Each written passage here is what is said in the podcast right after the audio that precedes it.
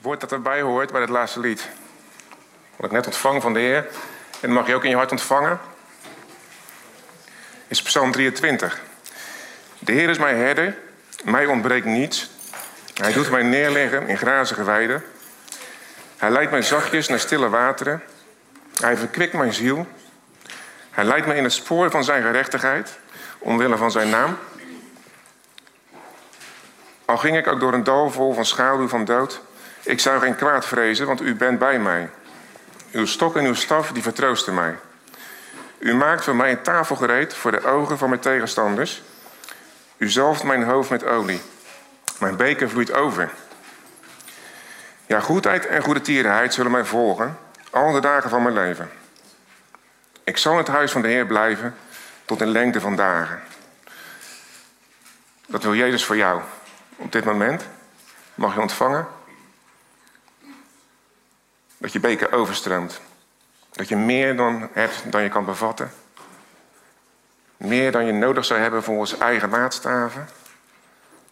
Dat heeft hij jou gegeven. Mag je nu ontvangen.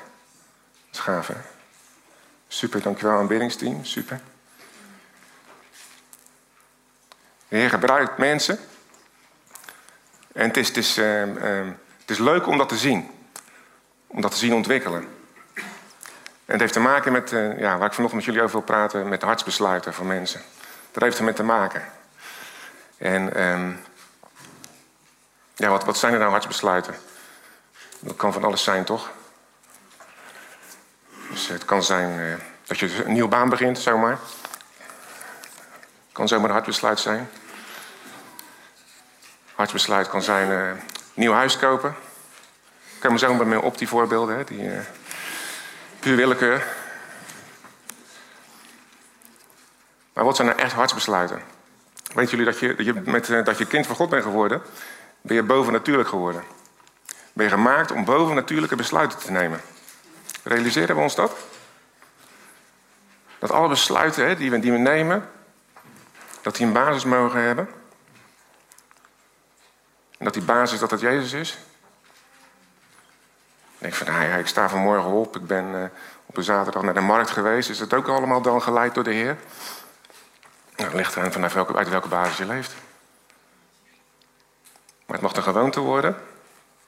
En het mag, mag landen, dat je, dat je die basis gaat gebruiken. Want het is de kracht, het is de kracht Gods. En uh, ik las vanochtend ook uh, een stukje, even een, een stukje van een managementblad. Nou, dat lijken tegenwoordig ook wel geestelijke bladen aan het worden. Maar dat ging ook over een hartsbesluit.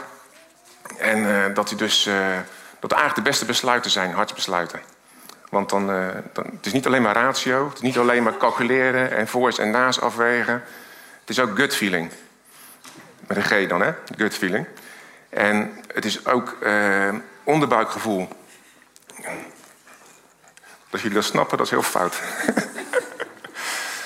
is ook onderbuikgevoel. Dat staat er dan letterlijk in. En dat zijn eigenlijk de beste besluiten. En denk van ja, onderbuikgevoel, dat doen wat je goed, uh, wat goed voelt. Dat is eigenlijk uh, ja, wat je in, in de maatschappij om je heen ziet. En dat is, dat is goed. Dat is dus wat verkondigd wordt in de maatschappij. De kansen van de maatschappij is dat wat goed voelt, moet je doen. En dat is goed. Nou, ik geloof dat er wel uh, wat in zit. Dat is ook in bedrijven. Een gut feel komt vaak uit ervaring. Uit uh, dingen die je meegemaakt hebt. En dan weet je ook wel op een gegeven moment van...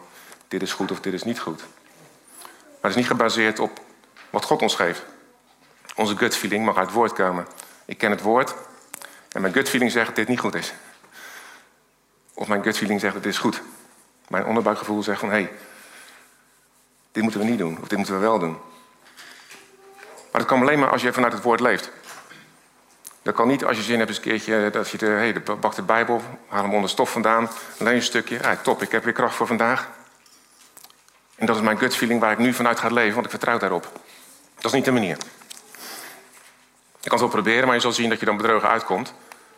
Want om vanuit het woord te leven, vanuit Jezus te leven, eh, moet je niet meer leven vanuit andere dingen. En dat is, die andere dingen, daar heb je wel elke dag mee te maken. Dus dat is. Uh, het, is, is, het, is, uh, het is lastig, want het vraagt een, een, een, nieuwe state of mind eigenlijk. Neem je besluiten vanuit, ehm, vanuit je gevoel, vanuit je vlees, zal ik maar zeggen. Hè? Of neem je besluit als nieuw mens? Als vrijgemaakt mens. Ik weet niet of jullie nog weten hoe uh, toen Irak onder een dictator bevrijd werd, hè, Saddam Hussein, dat ging met die bevolking helemaal niet zo goed. En misschien nog wel niet zo heel erg goed. Die wisten niet wat het was om in vrijheid te leven. Het werd chaos. Dus dan moesten ze helemaal opnieuw gaan leren. En zo is het voor ons ook. Wij moeten leren om vanuit die vrijheid te gaan leven. Want alleen dan ga je het te gelden maken. Alleen dat is soms een beetje spannend. Want het gaat soms tegen je onderbuikgevoel in, wat je voorheen gebruikte of waarvanuit je voorheen leefde. En dat heeft te maken met vertrouwen. Het is een state of mind. En uh, ja, als je ook besluiten neemt in het leven die vanuit, vanuit God zijn, dan zal je zien dat er dingen gaan gebeuren in je leven. Maar ook dat die altijd uh, ten goede van, van anderen zullen zijn of van jezelf. En uh, in de Bijbel zijn ook voorbeelden van mensen die hartsbesluiten nemen. Adam die nam het hartbesluit om te denken dat hij iets miste. En die at van de appel. Is dat een hartsbesluit vanuit God? Of is dat een hartsbesluit van te denken in tekorten? Denken in tekorten. En Abraham die, die stelde Lot voor de keuze, neefje Lot. Abraham had het hart. Ik geef mijn neef de keus om land te kiezen. Dat is het hart van God. En Lot die koos. Slecht land, goed land. Ik kies goed land. Hoeft niet per se vanuit God te zijn. Het kan ook puur egoïsme zijn. Ja, dus dat zijn voorbeelden vanuit de Bijbel waar je zegt van hé, hey, um, ook als, als christen of als kind van God is het niet automatisch als je iets heel, heel, heel graag wil, dat het dan Gods wil is. Dat heb je jezelf dan wijs gemaakt. Kan. Het kan ook wel God wil zijn. Hè? Maar alleen het feit dat jij het wil, is niet noodzakelijk Gods wil. Dat is een valkuil.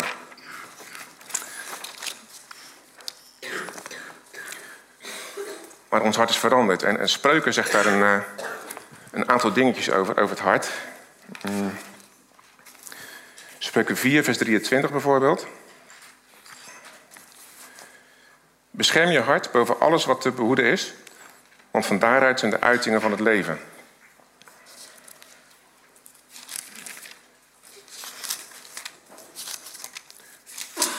Spreuken 20. Daar zegt vers 5: De raad in het hart van een man is als diepe wateren, maar iemand met inzicht zal hem naar boven halen.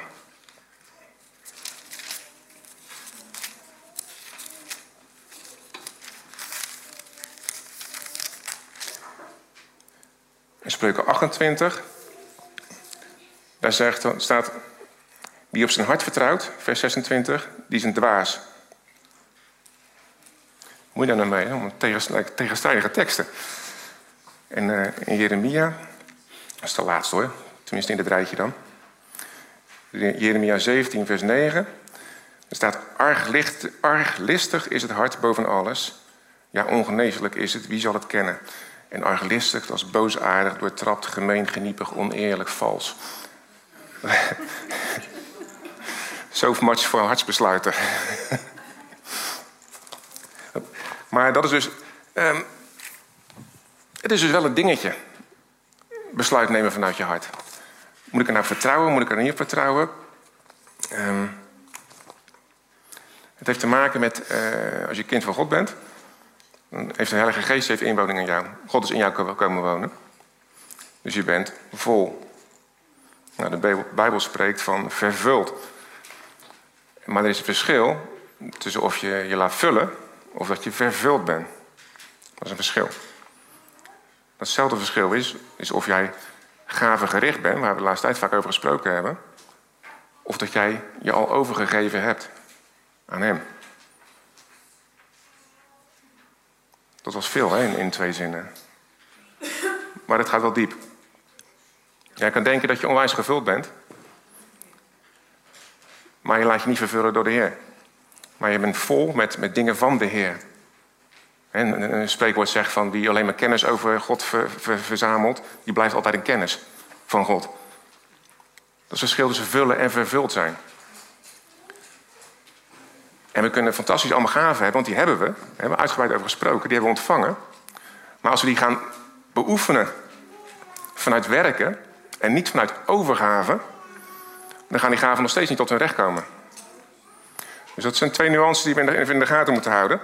En ehm, ik wil een stukje uit de Bijbel lezen ehm, uit Samuel. En dat gaat ook over een verlangen van het hart. Wat, ehm, ja, hoe moet ik dat zeggen? Misplaatst is.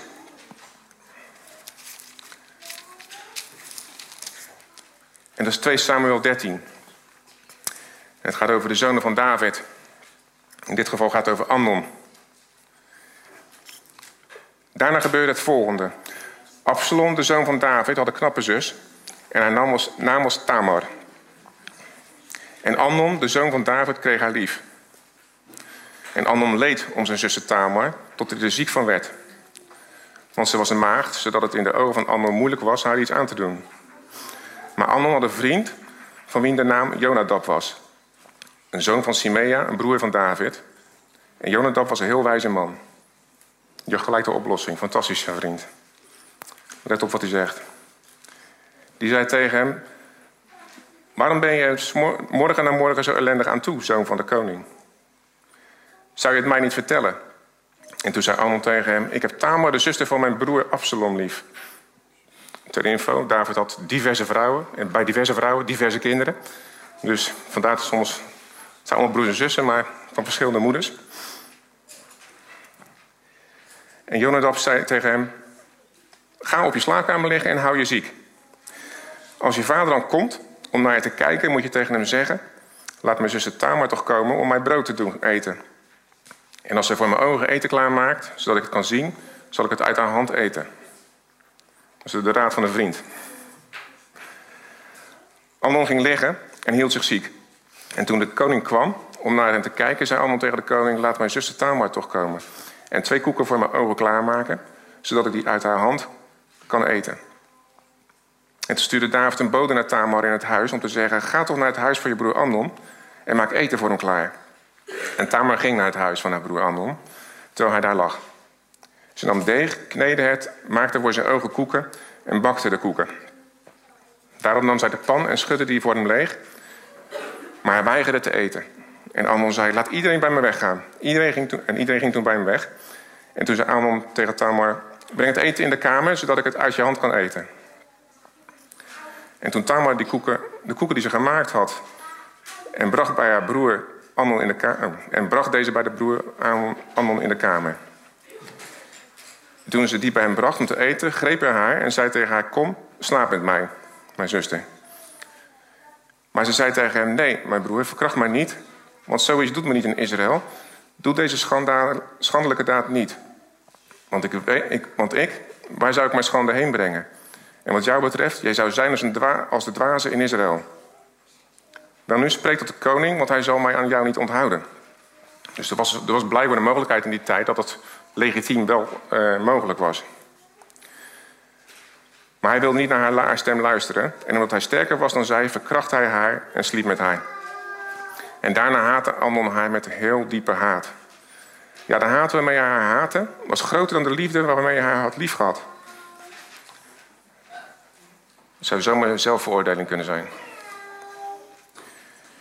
En Amnon zei tegen haar: Sta op en ga weg. En toen zei ze tegen hem: Er zijn geen redenen om mij weg te sturen. Dit kwaad zou groter zijn dan het andere dat je me aangedaan hebt. Maar hij wilde niet naar haar luisteren. Hij riep zijn knecht, zijn bediende, en zei: Stuur de vrouw toch bij mij vandaan naar buiten en doe de deur achter haar op slot. En ze had een veelkleurig gewaad aan, want dat droegen de dochters van de koning die nog maagd waren, als bovenkleed. Zijn bediende bracht haar naar buiten en deed de deur achter haar op slot. En toen deed Tamar as op haar hoofd, scheurde het veelkleurige gewaad dat ze aan had, legde haar hand op haar hoofd en liep schreeuwend weg. En haar broer Absalom zei tegen haar: Is je broertje Ammon bij je geweest? Die had, die het al ingevuld. Nu dan, zus van mij, zwijg erover. Hij is je broer. Neem het niet al te zeer ter harte. En daarna woonde Tamar eenzaam in het huis van de broer Absalom. En toen koning David al deze dingen hoorde, ontstak hij in hevige woede. Maar Absalom sprak niet met Amnon. Geen kwaad en geen goed. Want Absalom haatte Amnon, omdat hij zijn zuster Tamar verkracht had. Nou, het loopt vrij snel daarna, een jaartje twee later, dan uh, komt Amnon dus uh, aan zijn eind. Omdat Absalom eigenlijk vanaf dat moment al uh, voorgenomen had van... ik ga mijn zus wreken. En Amnon die heeft, die heeft daar een hartsbesluit genomen. Die heeft zijn hart erop gezet, die vrouw wil ik hebben. En hij is helemaal verblind. Want er staat van, joh, vraag het aan, aan onze vader en dan, kan dan kunnen wij gewoon samen zijn. Daar was geen tijd meer voor, het moest nu gebeuren. Hij wilde nu vervulling van wat hij vond een nood. En op het moment dat het dan gebeurd is, ja, dan vervloekt hij er eigenlijk. En dat doet zonde met ons. Als wij willen en wetens zondigen, en er zonde gebeurd is, dan heb je eigenlijk een hekel aan jezelf, of een hekel aan wat je gedaan hebt. Dan voel je je rot. En het uitzicht soms naar anderen. Dat is, nog, dat helaas ook nog een, uh, het kwalijke ervan. En het erg is dat het allemaal niet hoeft. Het hoeft niet. We hoeven niet meer te zondigen. We zijn vrij.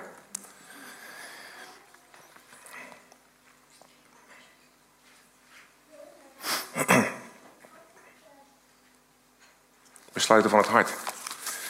Besluiten van het hart. Denk ook aan die rijke jongeling die eh, bij eh, Jezus komt. En die, die vraagt wat hij nog meer moet doen. Welke goede werken moet ik doen om uh, in uw koninkrijk plaats te nemen? En dan noemt Jezus een paar dingen van de wet en die doet hij allemaal al.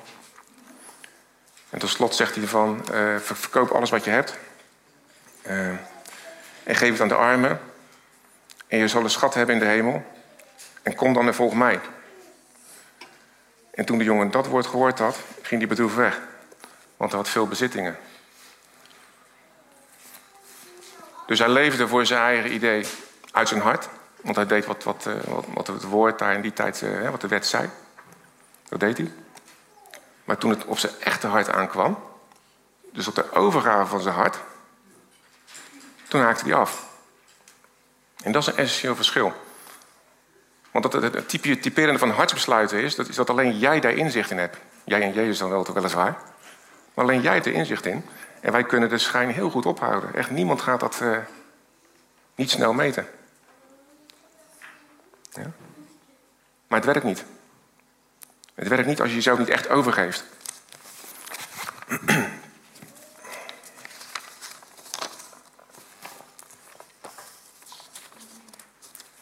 Vullen of vervuld raken, gave of overgave. Verschillende dingen. En zou het kunnen zijn dat, dat die, bijvoorbeeld de jongeling, hè, dat hij bijvoorbeeld eigenlijk Jezus alleen maar gebruikt als, uh, als vulling? Kan dat? Kunnen we Jezus gebruiken als vulling? Om de tijd uh, te doden, om, om, een, uh, ja, om er ergens bij te horen. Als traditie. Je geeft invulling aan je leven. Weet je dat Jezus dat helemaal niet wil? Dat wil hij helemaal niet. Hij wil niet dat je hier zit en dat het moet. Hij wil niet dat je dingen voor hem doet omdat je het moet. Of dat hoort. Omdat het van je verwacht wordt. Hij wil dat je gaat luisteren naar je hart. En de dingen gaat doen die hij in je hart gelegd heeft. Weet je dat, weet je dat Jezus op jouw hart schrijft? Het nieuwe hart waar Ellen over sprak. Hij zegt, ik schrijf mijn wetten in je hart. En daar bedoelt hij mee, ik schrijf mijn wil in jouw hart. En daar moeten we naar gaan luisteren. Want vanuit die wil kunnen we namelijk hartsbesluiten nemen. Want we moeten de hartbesluiten vanuit ons nieuwe hart nemen.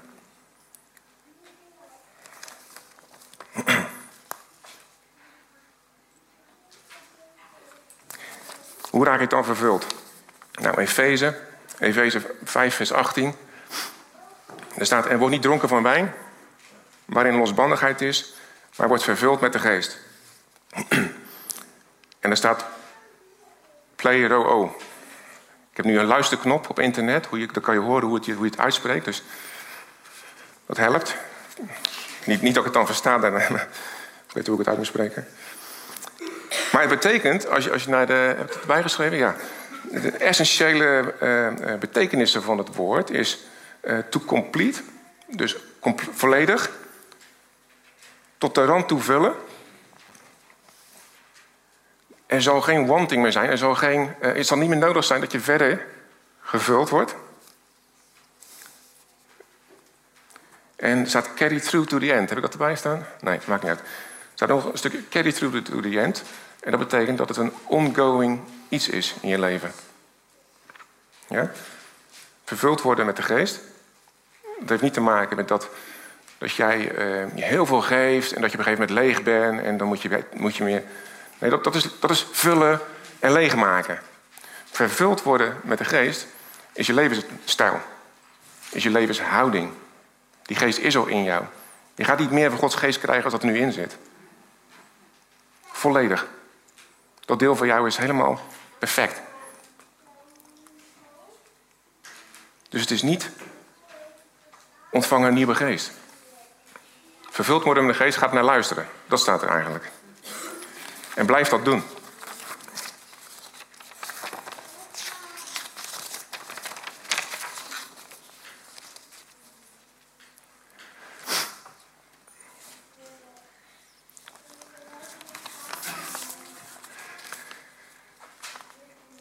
Als je ook. Um, want het is best, ik heb het heel vaak gehoord. Ik heb het zelf denk ik ook wel eens gezegd. Van, uh, dat, je, dat je je leeg voelde, dat je weer gevuld moest worden. En weet, je wat daar ook een beetje. waar je dat in, in, in ziet? In dingen terugkomen. Dat zijn de hypes. Daar zie je dat in terugkomen.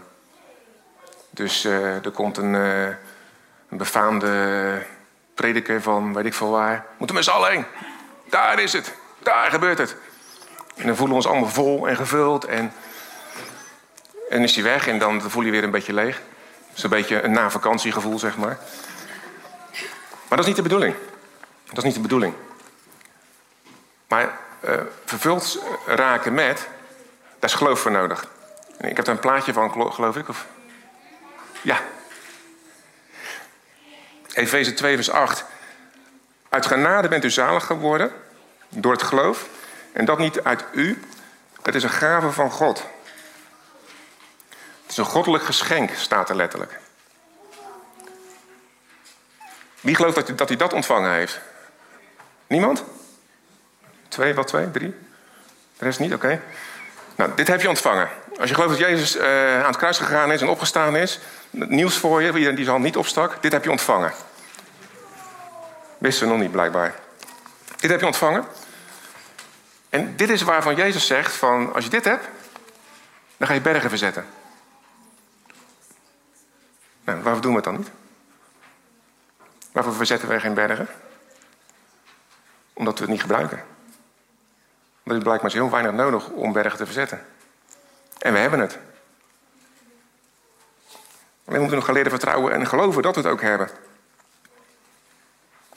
Het is namelijk het is, het is een goddelijk geschenk, dat geloof in jou. En dat, is speciaal voor jou.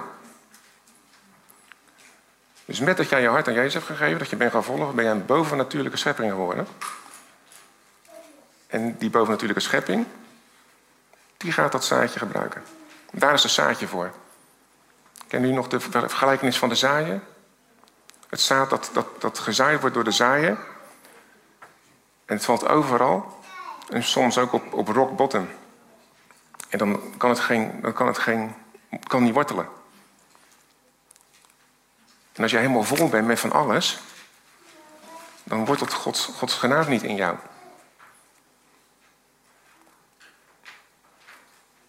Maar het woord wat in goede grond valt, dat wortelt. En waar een heel groot eh, gedeelte, durf ik wel te zeggen, van, van de huidige eh, ja, christenmaatschappij, eh, de sectie die daarin valt, is, is de sectie waar gezaaid wordt. En waar het onkruid uh, ook opkomt. En waar het dus verstrikt raakt in de zorgen van de dag. En de dingen die spelen en die we allemaal belangrijk vinden. Waardoor we niet meer helder blik hebben op wat belangrijk is. En daar is, ik denk dat we daar heel veel in verkeren. Want dat is namelijk wat elke dag op ons afkomt. En daar moet je elke dag weer een hartsbesluit nemen. Om je daar niet door te laten leiden. Op alles wat je afkomt. Want jij bent daarboven geplaatst. Want de dingen die daar eens op je afkomen van de wereld, die zijn ondergeschikt aan de dingen die God jou gegeven heeft. En de dingen die God jou gegeven heeft, die heeft hij gegeven om te heersen over die andere dingen. Maar moet je wel gebruiken. Anders laat je die andere dingen jou beheersen. En er komen hartsbesluiten uit die niet goed voor jou zijn. Of voor een ander. En dat wil je niet, dat heb je niet zo bedoeld, maar dat gaat gebeuren. Afgestemd blijven. En vervuld blijven. Nou, vervuld blijven deden dus, dus uh, vervuld zijn van de geest. Maar hoe doe je dat dan? Hoe, hoe, werkt dat dan? Ja.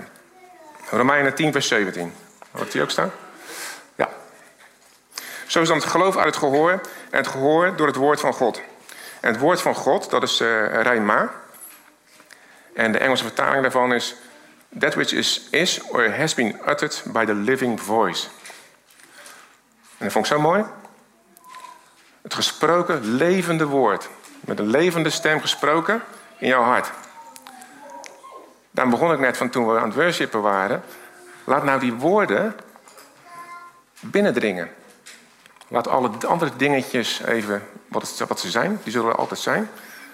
Laat die woorden nou tot je binnendringen en laat ze hun werk doen. Laat het wortelen in je hart. Want dat zegt het woord. Gesproken levende woord is wat jouw geloof, wat jouw geloof voedt. Dat zaadje, dat wordt het levend woord wordt dat geactiveerd. Het levende woord is eigenlijk een katalysator, zeg maar, om het zaadje zijn werk te laten doen. Dan gaat er wat gebeuren. Dus wat betekent dat in de praktijk? Nou, dat is heel simpel. Preekjes luisteren. Preekjes luisteren, het woord lezen. Het is eigenlijk een soort met Luus het eten gaan. je gaat het woord lezen, je gaat Luus het eten. En, en waar, waarom zeg ik dat? Omdat Jezus, Jezus zegt namelijk dat hij het brood is wat we moeten eten. En wat met voedsel, hè, wat we in de winkel kopen, wat dat met je doet, dat neem je tot je en dat voedt je lichaam eh, op verschillende manieren. Of je lichaam onttrekt eigenlijk wat het nodig heeft. En dat is precies hetzelfde met Jezus. Daarom zegt hij, als je mij niet eet of als je mijn bloed niet drinkt, heb je geen deel aan mij. Want ik ben niet in jou verweven. Eet mijn brood, want ik ben het ware brood. Eet het en je hebt deel aan mij. Ik wil het toch uh, lezen. Uh, dat staat in Johannes 6, vanaf vers 32. Jezus dan zei tegen hen: Voorwaar voorwaar, ik zeg u, niet Mozes heeft u het brood uit de hemel gegeven, maar mijn vader, die geeft u het ware brood uit de hemel. Want het brood van God is hij die uit de hemel neerdaalt en aan de wereld het leven geeft. Ze zei dan tegen hem: Heer, geef ons altijd dat brood. En Jezus zei tegen hen: Ik ben het brood des levens. Wie tot mij komt, zal beslist geen honger meer hebben. En wie mij gelooft, zal niet meer dorst hebben. En dat is het verschil tussen gevuld zijn of vervuld zijn. Kan, als jij fysiek eet, dan zit je op een gegeven moment vol, maar je krijgt weer honger. Maar als er iets zou zijn waardoor je dat niet meer had, dan had je geen honger meer. Nou, dan zegt Jezus, Jezus is dat. Niet anders stoppen met eten. Een tijdje goed voor de lijn, maar, uh, maar toch een beetje kritiek op een gegeven moment.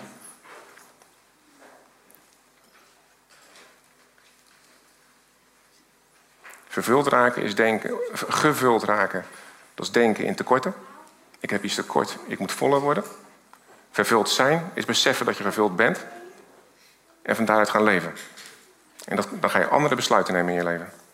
Maar ik heb u gezegd dat u mij wel gezien hebt en toch gelooft u niet. Alles wat de Vader mij geeft, zal tot mij komen. En wie tot mij komt, zal ik beslist niet uitwerpen. Want ik ben uit de hemel neergedaald, niet omdat ik mijn wil zou doen, maar de wil van Hem die mij gezonden heeft. Weet je dat Jezus ook. Ik had het opgeschreven, voor mij staat in Johannes. Ja. Weet je dat Jezus ook een hartsbesluit nam? Toen hij voor ons aan het kruis ging? Of dachten jullie dat, dat hij er geen keuze in had?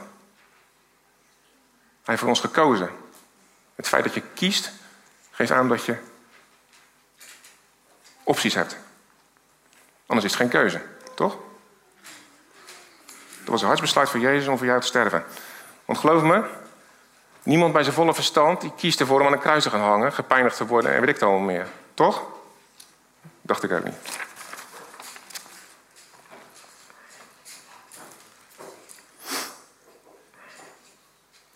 Maar dit is de wil van de Vader die mij gezonden heeft. Dat ik van alles wat Hij mij gegeven heeft, niets verloren laat gaan, maar doe opstaan op de laatste dag. En dit is de wil van hem die mij gezonden heeft, dat ieder die de zoon ziet en in hem gelooft, eeuwig leven heeft. En ik zal hem doen opstaan op de laatste dag. En de Joden dan moorden over hem, omdat hij gezegd had: Ik ben het brood dat uit de hemel neergedaald is. En ze zeiden: Is het niet Jezus, de zoon van Jozef, van wie de vader en moeder wij kennen? Hoe kon hij dan zeggen: Ik ben uit de hemel neergedaald? En Jezus antwoordde dan en zei tegen hen: Moor niet onder elkaar. Ook zo mooi, Jezus die hoort in de geest allerlei dingen. Want het was gewoon gemompel onderling. En dat zie je ook wel vaker met een stuk in de Bijbel. Dat Jezus gewoon weet van, hé, hey, ik weet wat er in je hart is. Ik vind het zo gaaf. Mooi niet onder elkaar. Misschien niet te janken, zegt hij eigenlijk. Niemand kan tot mij komen, tenzij de Vader die mij gezonden heeft, hem trekt. Ik zal hem doen opstaan op de laatste dag. En er is geschreven in de profeten, en ze zullen alle door God onderwezen zijn. Ieder dan die het van de Vader gehoord en geleerd heeft, komt tot mij. Niet dat iemand de Vader gezien heeft, behalve hij die van God is. Hij heeft de Vader gezien. Voorwaar, voorwaar ik zeg, wie in mij gelooft, heeft eeuwig leven. Ik ben het brood des levens. Uw vaderen hebben het mannen gegeten in de woestijn en ze zijn gestorven. Dit is het brood dat de hemel neerdaalt, opdat de mens daarvan eet en niet sterft. Ik ben het levende brood dat uit de hemel is neergedaald. Als iemand mijn brood eet, eh, als iemand van dit brood eet, zal hij leven in eeuwigheid. En het brood dat ik geven zal, is mijn vlees. Dat ik geven zal voor het leven van de wereld. Dat is hè? Mijn vlees, het Griekse woord sarx. En dat is vertaald met human nature, dus de menselijke natuur. Dus Jezus heeft zijn vlees, zijn menselijke natuur, heeft hij aan het kruis gehangen. En eigenlijk zegt hij, door met hem te zijn, door van hem te eten, heb je daar deel aan. Dus je krijgt deel aan het offer van Jezus als je van hem hoort en van hem leest en van hem leert. De Joden dan deden twisten met elkaar en zeiden: Hoe kan hij ons zijn vlees te eten geven? En Jezus dan zei tegen hen: Voor waar, voor waar ik zeg u, als u het vlees van de zoon mensen niet eet en zijn bloed niet drinkt, dan hebt u geen leven in uzelf. Wie mijn vlees eet en mijn bloed drinkt, heeft eeuwig leven.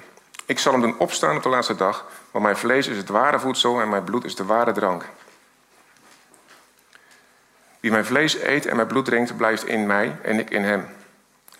Zoals de levende Vader mij gezonden heeft en ik leef voor de, door de Vader, zo zal ook wie mij eet leven door mij. Dit is het brood dat uit de hemel is neergedaald. Niet zoals uw vader het mannen gegeten hebben en gestorven zijn, maar wie dit brood eet, zal in eeuwigheid leven. Dat is gaaf, hè?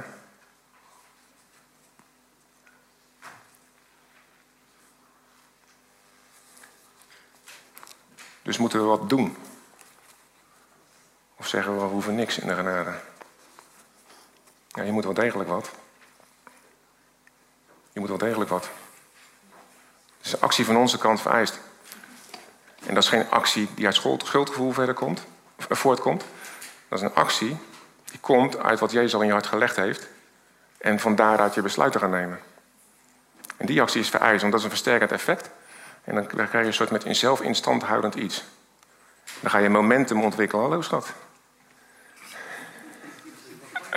Hallo. Dan ga je een soort momentum ontwikkelen. Dan ga je opbouwen, dan ga je kracht opbouwen.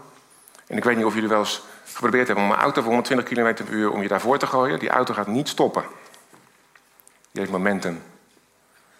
Maar een fietsen die 2 km per uur rijdt, die kan je nog wel eventueel redelijk schadeloos tegenhouden. Nou, als wij nou zorgen dat we niet de fietsen zijn, dat bij elk gasprietje dat we stilstaan, omdat we gewoon een mooie, een mooie Mercedes laatst op. Uh, hè? Ja? Skoda, Skoda. Met mooi, wel een turbo dan, hoop ik. Beetje momentum. Maar als je momentum opbouwt. Dat is wel, het, is een beetje, ik maak een beetje grapjes ervan. Maar momentum opbouwen helpt jou wel om op het padje te blijven. Want als je geen momentum opbouwt, dan loop je altijd op het randje. Van ongeloof, wel geloof, niet geloof. Is nou wel, is nou niet waar. Maar als je momentum opbouwt, en dat doe je dus door het eten van Jezus, dan ga je momentum opbouwen. Dan ben je heel eind van die rand verwijderd. En dan ben je zo snel van je stuk. Want dan weet je van nee, mijn gut feeling zegt wat jij zegt is niet waar. Of mijn gut feeling zegt van hé, hey, dat speelt in de wereld en ik snap dat. Dan zijn we niet bezorgd over, de, over terrorisme en aanslagen en dergelijke. Ja? Wat heeft te maken met. Laat je je vullen. En hoe ver leef je vanaf het randje van. Ik wil eigenlijk met iedereen meedoen. En oh ja, ik geloof ook nog. Ja.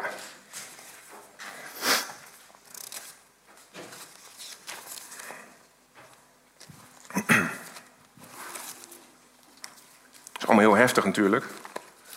Het heeft nou te maken met of je behouden bent of niet. Nee, eigenlijk helemaal niet, hè. Heeft niets mee te maken. En zoals ik vorige keer al zei, we hebben een eeuwig leven. Dus waarom maken we over die 80, 90 jaar die we nu leven ons zo druk? Nou, dat is de tijd die wij gekregen hebben om het aan anderen te vertellen. Ja? Dus we kunnen ons heel druk maken over nu en alles heel erg vinden en zo. Dan hebben we onze prioriteiten verkeerd staan. Jullie mogen me eruit gooien hoor, na de dienst. Eh, als het allemaal te erg wordt. Wil je niet wachten? Hebreeën 5.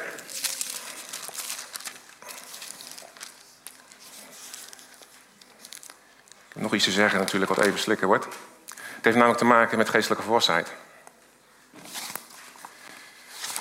Hebreeën 5 vanaf vers 11. Over hem hebben wij veel dingen te zeggen die moeilijk zijn om uit te leggen, omdat u traag bent geworden in te horen. Want hoewel u gelette tijd leraar zou moeten zijn, hebt u weer iemand nodig die u onderwijst in de grondbeginselen van de woorden van God. U bent geworden als mensen die melk nodig hebben en niet vast voedsel. Ieder immers die van melk leeft is onervaren in het woord van gerechtigheid, want hij is nog een kind. Maar voor volwassenen is het vaste voedsel. Voor hen die hun zintuigen door het gebruik ervan geoefend hebben. Dat is een actie, hè? Dus dat wat je op je hart hebt, daar mag je in gaan wandelen. En dat wordt ermee bedoeld geoefend hebben. als jij op je hart hebt om te gaan profiteren, dan moet je daar gewoon mee bezig gaan. Dan moet je gewoon gaan doen. In het gebruik word je dan geoefend. Ja? In het gebruik ervan geoefend hebben om te kunnen onderscheiden tussen goed en kwaad. En, laat, dit is ook een heel belangrijk stuk. Over, hoe wij ons als christenen soms druk maken over dingen waar ik van zeg van, nou, dat wordt hier redelijk genuanceerd door Paulus. Laten we daarom het eerste onderwijs met betrekking op Christus laten rusten en doorgaan tot de volmaaktheid. Zonder opnieuw het fundament te leggen van bekering van dode werken en van geloof in God. Van leer van dopen, van handelopleggingen, van de opstand van de doden en van het eeuwig oordeel. Dat zullen we ook doen, als God het toestaat. Maar Paulus maakt een hele duidelijke gradatie in waar het in jouw leven als christen eigenlijk om gaat. En het waren niet dus de dingen die ik daarnet noemde. Maar hoeveel procent van onze tijd besteden we daaraan? Laten we het grof houden. Meer dan 50 procent. Meer dan 50 procent besteden we ons daaraan. En dat is waste. Dat geeft God toch wel, staat hier. En wij maken ons daar druk om. En laten wij tot de volmaaktheid, doorgaan tot de volmaaktheid. Die volmaaktheid, dat is telios. En in het Engels vertaald is dat complete in mental and moral character. En dat is hoe Jezus jou wil hebben. Dat is hoe hij jou wil hebben. Sterker nog, dat is hoe hij jou gemaakt heeft. Alleen geloof je het. En ben je bereid daaruit te gaan wandelen? Of denk je dat het je iets kost? Zoals de rijke jongeling. Denk je dat het je iets kost om voor Jezus te gaan leven? Of denk je dat je het beter weet misschien? Kan ook nog. Ook niet aan te bevelen. Dus de volgorde. Vervuld raken van de geest. Tot overgave komen. En dan hartsbesluiten gaan nemen. Je kan ook beginnen met hartsbesluiten nemen. Maar dan zit er heel veel van jezelf bij. Dan zit er angst bij, er zit er vooroordeel bij. Dat, alles wat menselijk is, zit daarbij. En dat is niet waarom God het gegeven heeft. Hij heeft jou gegeven, wat we gelezen hebben, dat je tot de rand toe gevuld bent in alle tijden. Dat je niks meer nodig hebt. Psalm 23. Mijn beker loopt over. Je hebt niks meer extra's nodig. Je komt hier niet om gevuld te worden. Je komt hier om te bevestigen dat je vervuld bent. En als je dat niet gelooft, of als je dat niet uh, nog niet gehoord hebt, kom dan naar ons toe, kom naar de oudste toe, kom naar mij toe. Dan praten we erover verder, want het is essentieel. Want hoe je nu leeft, en dan ga ik terugpakken naar de preken over eenheid in de gemeente en over gemeente zijn. Ik zou het jammer vinden als wij denken langs onze gaven te functioneren, terwijl eigenlijk niemand zich overgegeven heeft. En de eenheid waar Jezus op duidt, als zij één zullen zijn, dat zal de wereld veranderen. Die eenheid die gaat alleen komen als wij in overgave gaan leven. Niet naar eigen kennis en inzicht. Dan gaan we toffe hard besluiten nemen en dan gaan er echt dingen gebeuren. Dan gaan we dingen zien. Amen.